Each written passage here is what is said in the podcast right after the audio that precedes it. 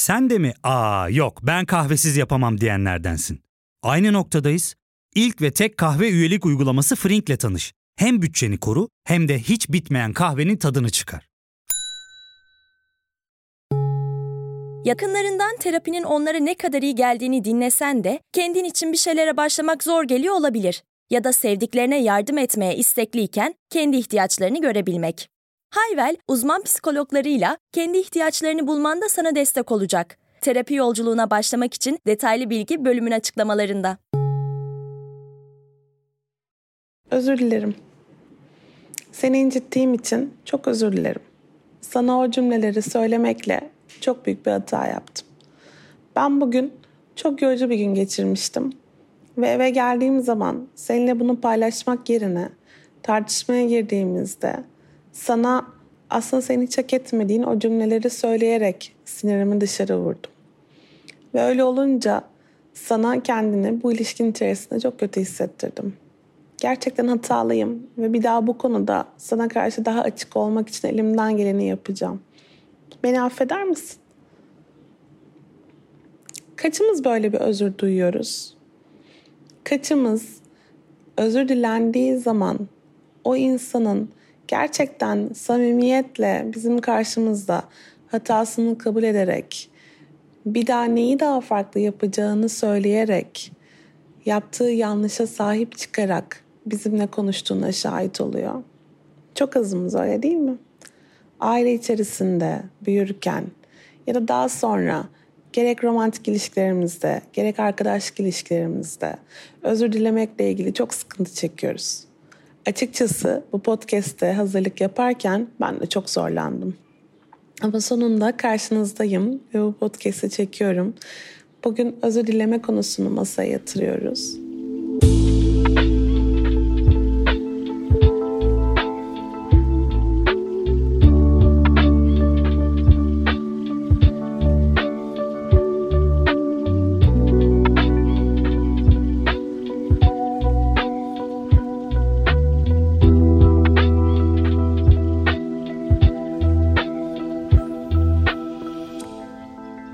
Psikolog doktor Gizem Sürenkök. Ben Nereden Bileyim serisinin bu yeni bölümünde özür dilemeyi ben nereden bileyim diyoruz. Ve hadi bakalım bu konu hakkında konuşmaya başlıyoruz. Özür dilemek her ilişki için aslında çok önemli. Her ilişki türü için. Düşününce çocuğumuzla kurduğumuz ilişkimizde de birçok hata yapıyoruz. Ve bazen sırf ebeveyn olarak onun karşısında zayıf gözükmeyelim diye özür dilemeyebiliyoruz. Ya da mesela iş yerinde çalışma arkadaşlarımıza, bizim altımızda veya üstümüzde çalışan insanlara karşı tavırlarımızda yanlışlar yapabiliyoruz. Ama oradaki e, statümüz zarar görmesin diye veya bir şekilde e, daha güçlü görünelim diye e, özür dilemekten imtina edebiliyoruz. Romantik ilişkimizde bunun çok yanlış olduğunu bilsek de bir güç dengesi oluşturmaya çalışabiliyor ve özür dilersek o güç dengesinin güçsüz tarafında olacağımıza inanabiliyoruz. Arkadaşlık ilişkilerimizde hata yapsak bile özür dilememeyi tercih ediyor ve bazen de arkadaşlarımızın gerçekten gözümüzün önünde ölüp gitmesine izin veriyoruz. Bütün bunlar, bütün bu problemler aslında iki kelimeyle çözülebilecek. Özür dilerim. Ama yapmıyoruz. Neden yapmıyoruz? Neden özür dilemenin bir zayıflık göstergesi olduğuna inanıyoruz? Bu çok önemli bir soru. Podcast içerisinde buna mutlaka değineceğim. Podcast içerisinde çok özür dilemenin de e, bir problem oluşturabileceğine değineceğim. Nasıl özür dileriz veya nasıl özür dilememeliyiz? Bunlar hakkında da konuşmayı planlıyorum. E, ama şuradan aslında başlamak istiyorum. Özür dilemek, ben çok kötü bir insanım ve çok e, beceriksizim, bu ilişkiyi de beceremiyorum demek değil. Özür dilemek aslında çok insani bir yerde olduğumuzu karşımızdaki insana gösteren bir şey. Ben bir insanım ve tabii ki hatalar yapabiliyorum. Bu hatalar benim çok kötü bir insan olduğumu göstermiyor. Bu hatalar benim zaman zaman yanlış davranışlar yaptığımı gösteriyor. Sen bu özür kabul etmeyebilirsin. Özür dilerken aslında karşımızdaki insanı değiştiremeyeceğimizi de bilerek özür dilememiz lazım. Yani karşımızdaki insan bizim özrümüzü kabul etmeyebilir. Karşımızdaki insan biz ne kadar samimi olursak olalım bizim samimiyetimize inanmayabilir. Ama özür dilemek aslında karşımızdaki insan için değil, kendimiz için de yaptığımız bir şey olmalı. Aslında tam da bu noktada neden ve nasıl özür dilemeliyim sorusuna gelmeli. Yani eğer yaptığımız davranış bizim kendilik kavramımız içerisinde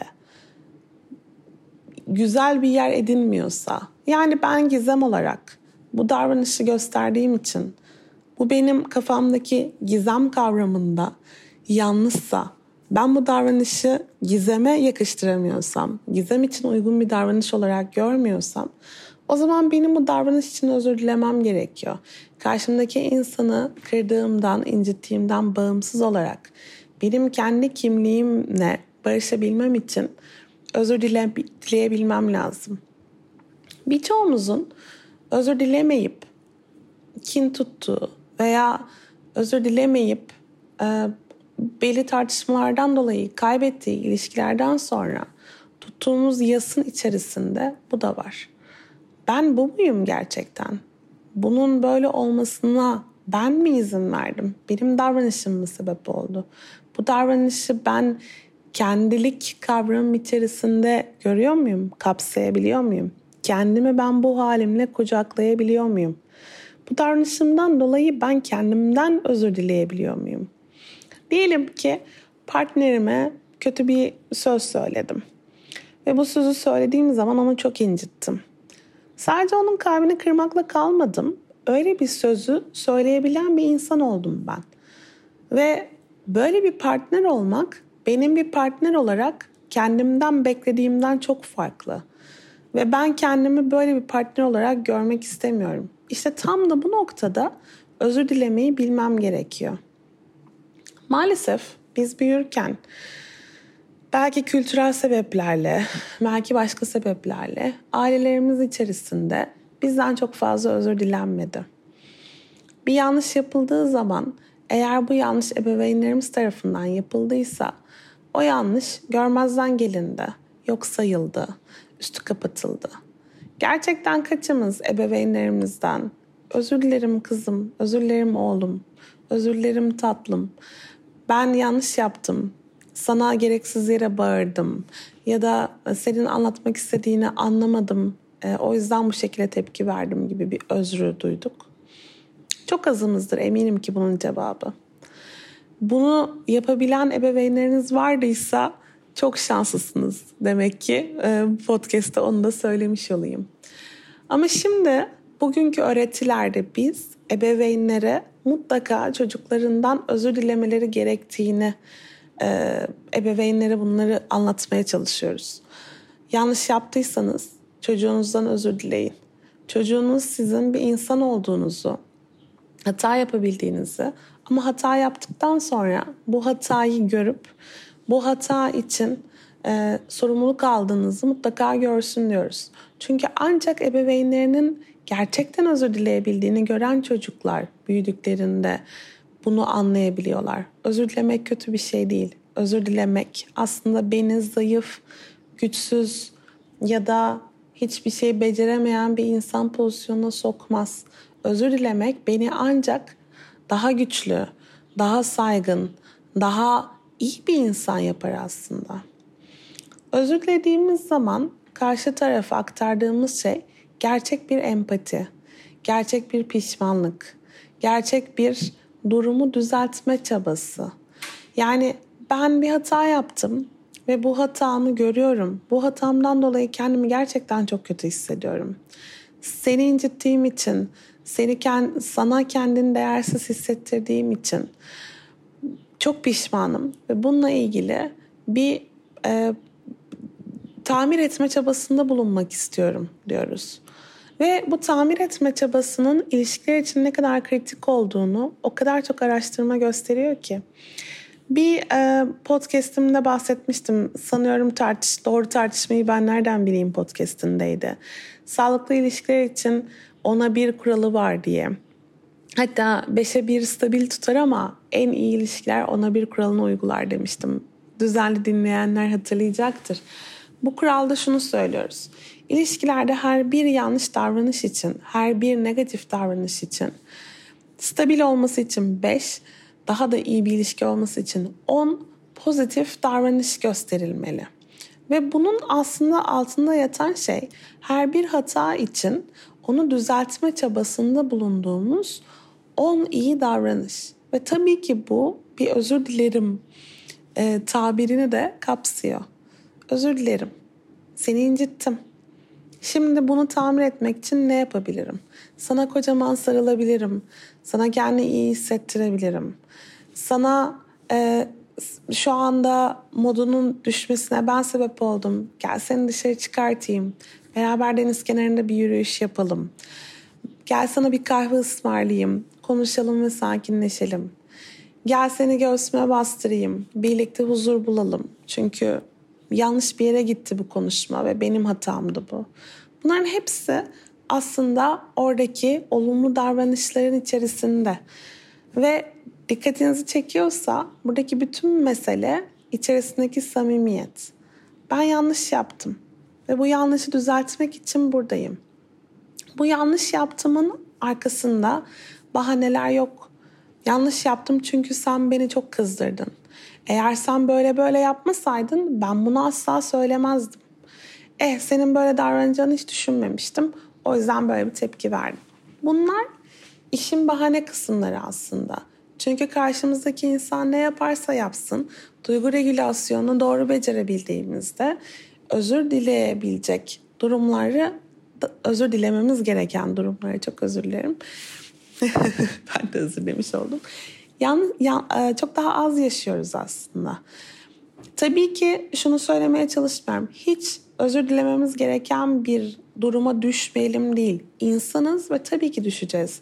İnsan ilişkilerinde hata yapmak son derece normal, son derece insani. Burada yanlış yaptığımızı hızlıca fark edebilmek ve bunu telafi edebilmek önemli olan. Duygu regülasyonu daha iyi yapmayı başardığımızda, kendi duygularımızın daha çabuk farkına vardığımızda hem tetikleyicilerden daha çabuk uzaklaşabiliyoruz. Hem de oldu da tetiklendiysek oluşan olumsuz duygumuzu daha hızlı yöneterek o duygunun geçmesini daha kolay sağlıyor ve arkasından da duygumuzun farkında olduğu için özür dileme davranışına daha hızlı girebiliyoruz. O yüzden aslında duygu regülasyonu geliştirmek özür dilemek için de çok önemli. Şimdi özür dilemek konusunda konuşurken çok önemli bir konu aslında kalp kırıklığı konusu. Kalp kırıklığı konusu hakkında ben çok yazıyorum. Sosyal medyada beni takip ediyorsanız denk gelmiş de olabilirsiniz. Çünkü kalp kırıklığı konusu hakkında çok geniş bir literatür de var. Kalp kırıklığı literatürü şunu söyler. Kalbimiz en çok kendimizi ilişki içerisinde daha değersiz hissettiğimizde kırılır. Başka bir deyişle diyelim ki ben karşımdaki insanın bana asla sesini yükseltemeyeceğini düşünüyorum. Yükseltmeyeceğini düşünüyorum. Yüks kıyamayacağı için yükseltemeyeceğini düşünüyorum. Ama ondan sonra o insan bir gün bir tartışma esnasında bana avaz avaz bağırmaya başlıyor. Ve ben kendimi gerçekten çok değersiz hissediyorum bu ilişkinin içerisinde. Bu işte kalp kırıklığı. Tam olarak kalp kırıklığı bu şekilde tecrübe ediliyor. Ya da mesela karşımdaki insanın bana hiçbir zaman yalan söylemeyeceğini düşünüyorum. Beni hiçbir zaman kandırmayacağını düşünüyorum. Benim güvenimi hiçbir zaman sarsmayacağını düşünüyorum. Ama sonra bu insan bunların herhangi bir tanesini yapıyor. Ve böyle olduğunda ben kendimi ilişki içerisinde inandığım konumdan daha aşağıda bir yerde buluyorum.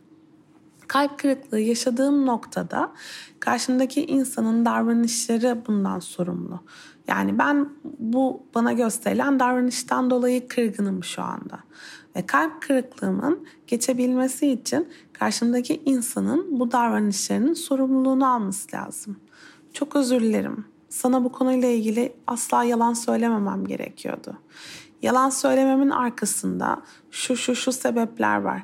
Bunların hiçbiri yalan söylememi meşru kılmaz ve sana bunun neden çok kötü hissettirdiğini çok iyi anlıyorum. Senin güvenini sarsmış olduğumu çok iyi anlıyorum. Bundan sonra sana karşı hep dürüst olacağım ve senin güvenini tekrar kazanmak için elimden gelen gayreti göstereceğim. Şimdi bakın bu özürde birden çok şey var. Bir tanesi karşımdaki insanı ne açıdan kırdığımı söylemiş oluyorum. Senin güvenini sarstım. Bu benim yanlışımdı. Sana hiç yalan söylememiş olmam gerekirdi. Bu benim pişmanlığım. Bundan sonra sana karşı hep dürüst olacağım. Nasıl tamir edebileceğimi söylemiş oluyorum özrün içerisinde. Bu noktadan sonra bu özrün samimiyetini ve bu özrün e, gerçekten bu ilişkiyi kurtarıp kurtaramayacağını ya da ilişkiyi demeyelim de bu tartışmayı kurtarıp kurtaramayacağını siz belirleyebilirsiniz. Ama gerçek bir özür önce dilenmeli de arkasından e, o özrü kabul edip etmemek konusu konuşulmalı. Maalesef çoğu zaman karşımızdan aldığımız özürler bizi tatmin etmiyor. Karşımızdaki insan şöyle şeyler söyleyebiliyor. Böyle hissettiğin için özür dilerim. İyi ama benim hissettiğim ben bunu durup dururken hissetmedim ki. Sen bana böyle hissettirdiğin için böyle hissediyorum. Eğer bir şey bir şey yaptıysam özür dilerim. E, bunu yapmış olduğun için ben zaten kendimi kötü hissediyorum. Belki de şöyle şöyle şöyle yapmamalıydım. Ya da belki de şöyle şöyle yapmalıydım. Yani burada bu özrün yeterince iyi düşünülmediğini gösteren bir davranış. Özür dilerim ama sen de böyle böyle davrandığın için bu oldu. Yani orada zaten özür durmuyor, geri alınmış oluyor. Ya da artık durumdan sıkılmış olan kişi e, sanki özür dileyip buradan kurtulmak için peki tamam özür dilerim. Ya da bugüne kadar geçirdiğimiz zamanların hatırına senden bir özür dileyim. Ya da beni biliyorsun ben zaten hep böyleyim. Ya fark ettin mi? Biz en çok kahveye para harcıyoruz. Yok abi bundan sonra günde bir. Aa, sen Frink kullanmıyor musun? Nasıl yani? Yani kahvenden kısmına gerek yok. Frink'e üye olursan aylık sadece 1200 TL'ye istediğin çeşit kahveyi istediğin kadar içebilirsin. Günlük 40 TL'ye sınırsız kahve mi yani? Çok iyiymiş. Aynen. Hatta şu anda 200 TL'lik bir indirim kodu da var. E hadi hemen indirip üye ol da bu fırsatı kaçırma. Terapiye başlamak, içinden çıkamadığın döngüleri kırmak, bazı yanlış bulduğun kararlarını değiştirmek ve kendinle beraber daha huzurlu bir yaşam inşa etmek için atabileceğin en değerli adımlardan biri. Hayvel ile yoğun yaşam tempona uyum sağlayarak online terapi seanslarını takvimine göre ayarlayabilirsin. Bini aşkın uzmandan sana en uygun terapisti seçebilir, PodB10 koduyla indirimden yararlanabilirsin. Detaylı bilgi açıklamalardaki bağlantıda. Bunların hiçbiri gerçek özürler değil aslında. Gerçek özür birincisi ama kelimesini kullanmaz.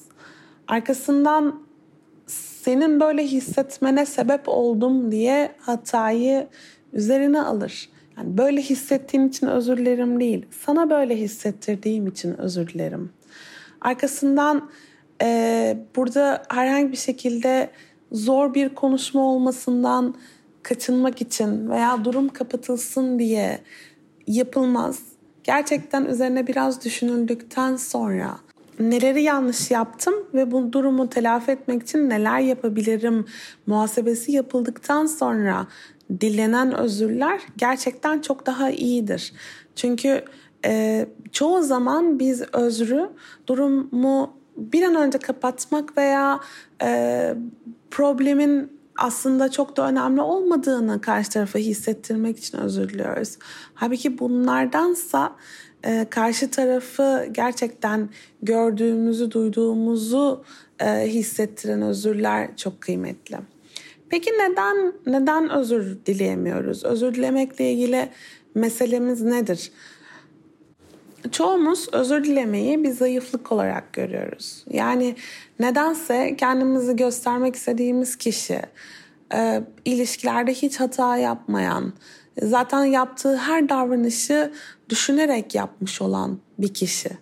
Ama bu doğru mu? Gerçekten her davranışımızın üzerine düşünerek mi hareket ediyoruz? Yok hiç de öyle değil. Spontan e, ya da impulsif davranışlarımız olabiliyor. Bu dürtüsel davranışlarımızın altında o an mesela irademizin zayıf olması, çok stresli olmamız, çok öfkeli olmamız, çok yorgun olmamız, hasta olmamız birçok sebep yatıyor olabilir. Bunlar da son derece insani ve e, bu bunları yapmayan bir insan da yok zaten.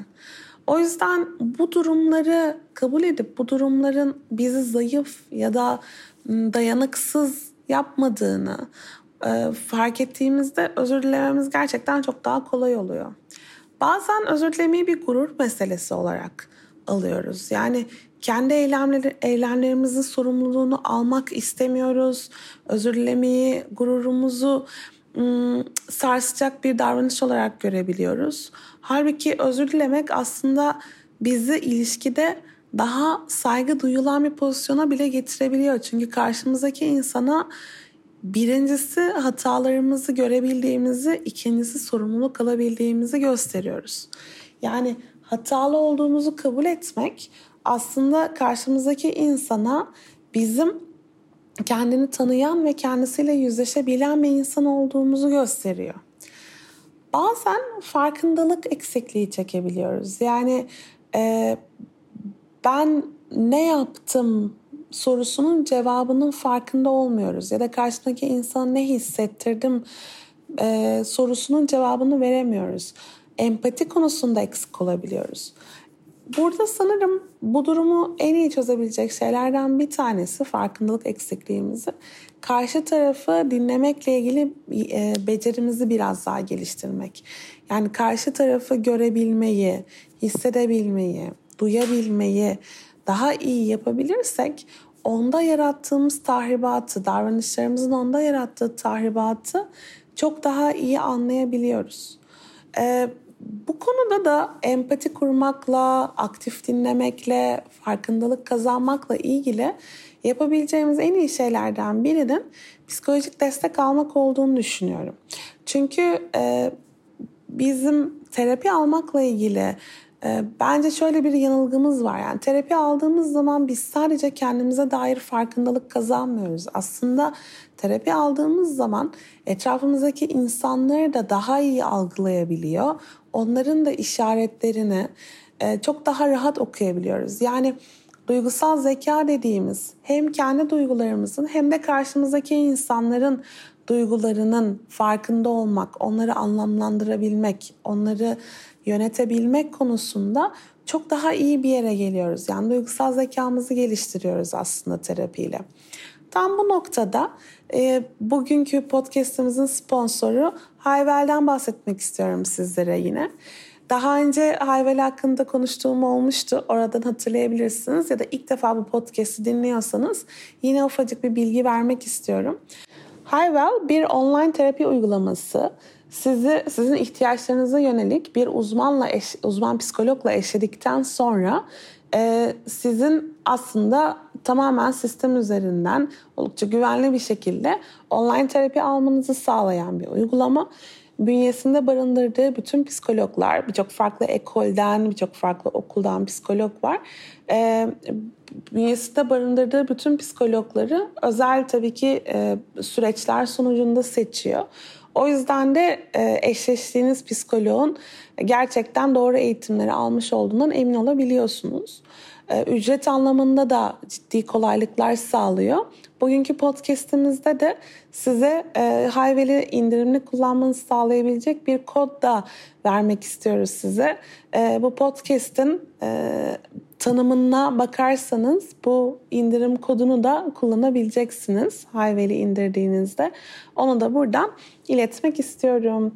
Şimdi geri dönelim ve özür dilemekle duygusal zeka arasındaki bağlantıyı da konuşmuşken özür dilemenin ilişkilerimiz için sağladığı bir başka faydayı da konuşalım istiyorum. Bu da ilişkinin sınırlarını baştan tanımlayabilmek aslında. Yani biz ilişkilerde özür dilediğimiz zaman karşımızdaki insanla bir nevi şunu konuşmuş oluyoruz. Bu ilişki neleri tolere edebilir ve neleri tolere edemez. Mesela diyelim ki sesimizi yükselttiğimiz için özür dilediğimiz zaman aslında karşımızdaki insana şunu söylemiş oluyoruz. Haklısın bu ilişki e, bağırmayı tolere etmeyen bir ilişki. Bizim birbirimize gösterdiğimiz saygı çerçevesinde birbirimize bağırmamamız gerekiyor.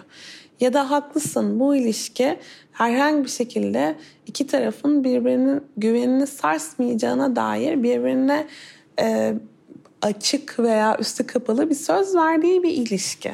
O yüzden ben senin güvenini sarsacak bir harekette bulunarak çok büyük bir yanlış yaptım.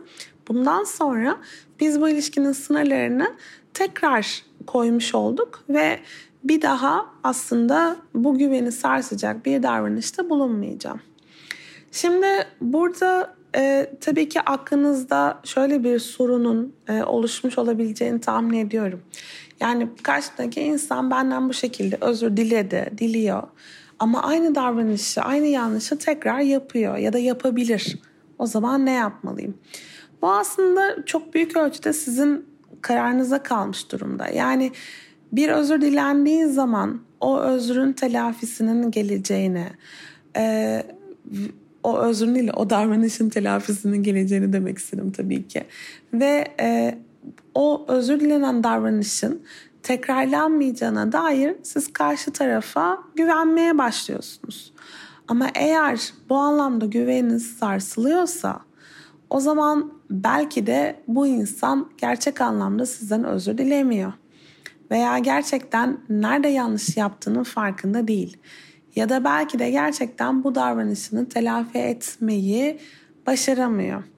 Şimdi böyle bir durumda bu ilişkide kalmayı mutlaka bence bir değerlendirmeniz lazım. Gerçekten kaç defa daha e, aynı davranışı affedip o ilişkinin içerisinde kalabilirsiniz. Bu tabii ki sizin kararınız.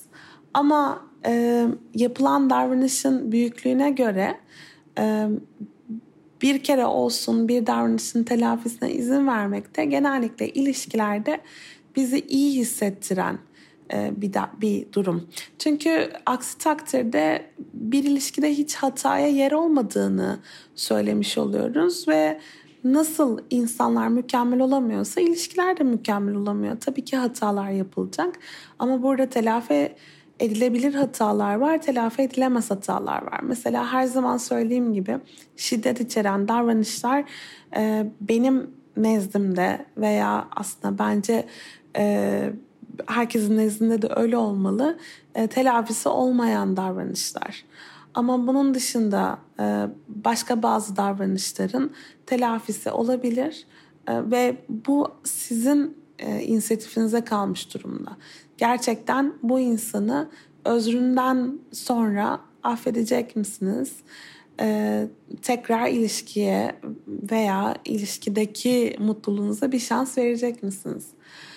Burada özrü kabul etmekle ilgili şunu da söylemek istiyorum. Yani bir özrü kabul etmek o davranışı hoş gördüğünüzü gösteren bir şey değil aslında.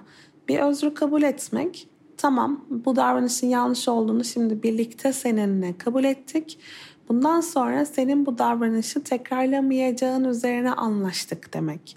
O yüzden biz özrü kabul etmekte de zorlanabiliyoruz ya. Sanki özür dilediğimde, affettiğimde ben bu davranışı hoş gördüm gibi düşünebiliyoruz ya. Hayır öyle öyle değil aslında. Hatta burada şuna da değinmek istiyorum. Bir insanı affetmek e, sanki o davranış hiç yaşanmamış gibi hareket edeceğimiz anlamına da gelmiyor. Çünkü o davranış bir kere yaşandı, bir kere işlendi bizim arşivlerimize. Tabii ki o davranışı tekrar tekrar gündeme getirmek doğru değil ama o davranışın bir izinin kaldığını da e, her iki tarafında kabul ettiğini varsayabiliriz. Bu arada bir insanı affetmek, bir insanın özrünü kabul etmek o insanla ilişkinizin tekrar eskisi gibi olacağı veya olmak zorunda olduğu anlamına gelmiyor. Yani şöyle e, bir soru gelmişti sosyal medyadan. belki e, dinleyenlerin hakkında da oluşmuştur diye söylemek istiyorum. Diyelim ki bir ilişkiniz vardı, bir arkadaşlığınız vardı ve bu arkadaşlığınız yıllar önce bitti. Beş sene geçti üzerinden ve siz bu insanı çok özlüyorsunuz, arkadaşlarınızı çok özlüyorsunuz. Ama bir yandan da biliyorsunuz ki tekrar o arkadaşlığı kurmanız çok zor. Ama bir yandan da e, o arkadaşlığın içerisinde yaptığınız bir hata var ve o hatayı yapmış olmaktan dolayı da pişmansınız. Özür dilemeli misiniz? Şimdi bu soru mesela önemli bir soru ve bence cevabı evet. Eğer e, podcast'ın başına dönüyorum aslında oradan e, tekrar alıyorum ve şunu söylüyorum. Eğer o arkadaşlığınız içerisinde yaptığınız davranış sizin kendi arkadaşlık çerçevenizde uygun bulmadığınız bir davranışsa üzerinden ne kadar zaman geçerse geçsin bir özür dileyebilirsiniz. Bu özür dilerken arkadaşlarınızın tekrar eskisi gibi olmayacağını da bilebilirsiniz. Yani beklentinizi bu noktada tutabilirsiniz. Bunlar hala e, bence size kendinizi iyi hissettirecek şeyler. Biz biliyoruz ki içimizde tuttuğumuz, e, hayata geçiremediğimiz e, davranışlar, yani keşke şöyle yapsaydım dediğimiz davranışlar bize en çok zarar veren, bize en kötü hissettiren davranışlar. O yüzden e, hiçbir özür için geç olmadığını düşünüyorum ben. Bununla birlikte yine şöyle bir soru gelmişti. Ona da cevaplamak isterim. Ee, özrü nasıl dilemeliyim? Yani yüz yüze mi olmalı, mesajlı olabilir mi? Mümkün olduğu kadar yazılı özürlerden, mesaj üzerinden yapılan özürlerden kaçınmamız gerektiğini düşünüyorum. En iyi özür yüz yüze edilen özür. E, çünkü gözümüzün içinde, elim e, elimizin duruşunda, sesimizin tonunda, e, yüzümüzdeki ifadede e, aslında karşımızdaki insana e, bir paket halinde belki e, kendimizi ne kadar kötü hissettiğimizi, ne kadar pişman olduğumuzu aktarabiliyoruz. Ama bu bir yazılı metin olduğunda karşı tarafa tam geçmeyebiliyor hislerimiz.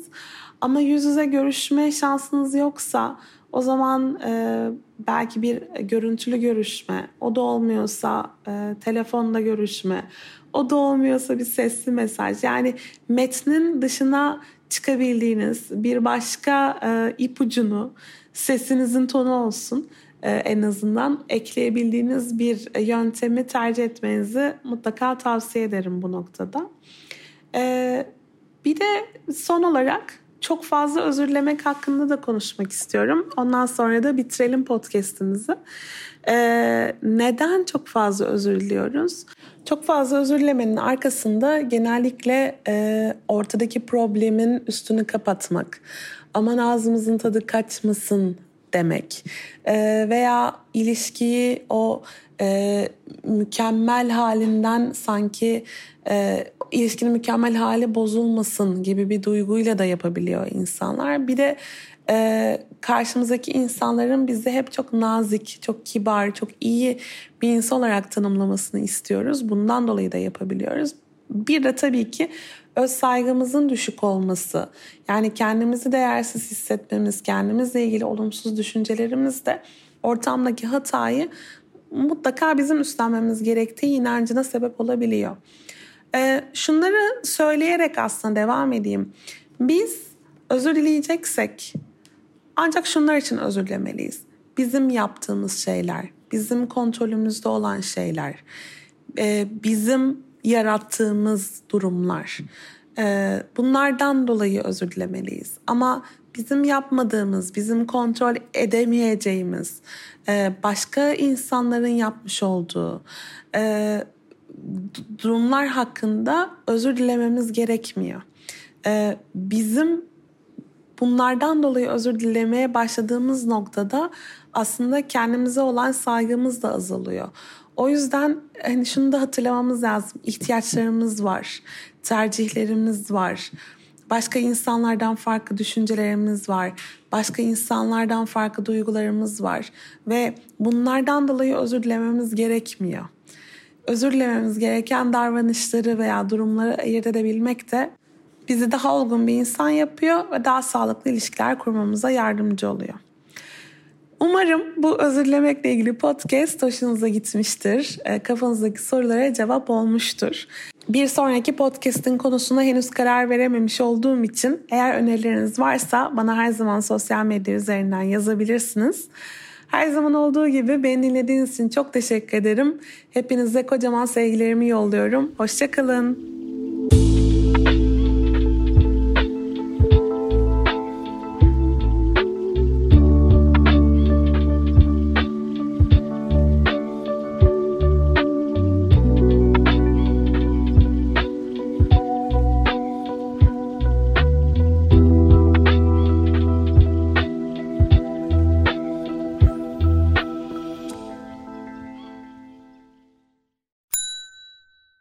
Ve tek kahve üyelik uygulaması Frink, 46 ildeki 500'den fazla noktada seni bekliyor.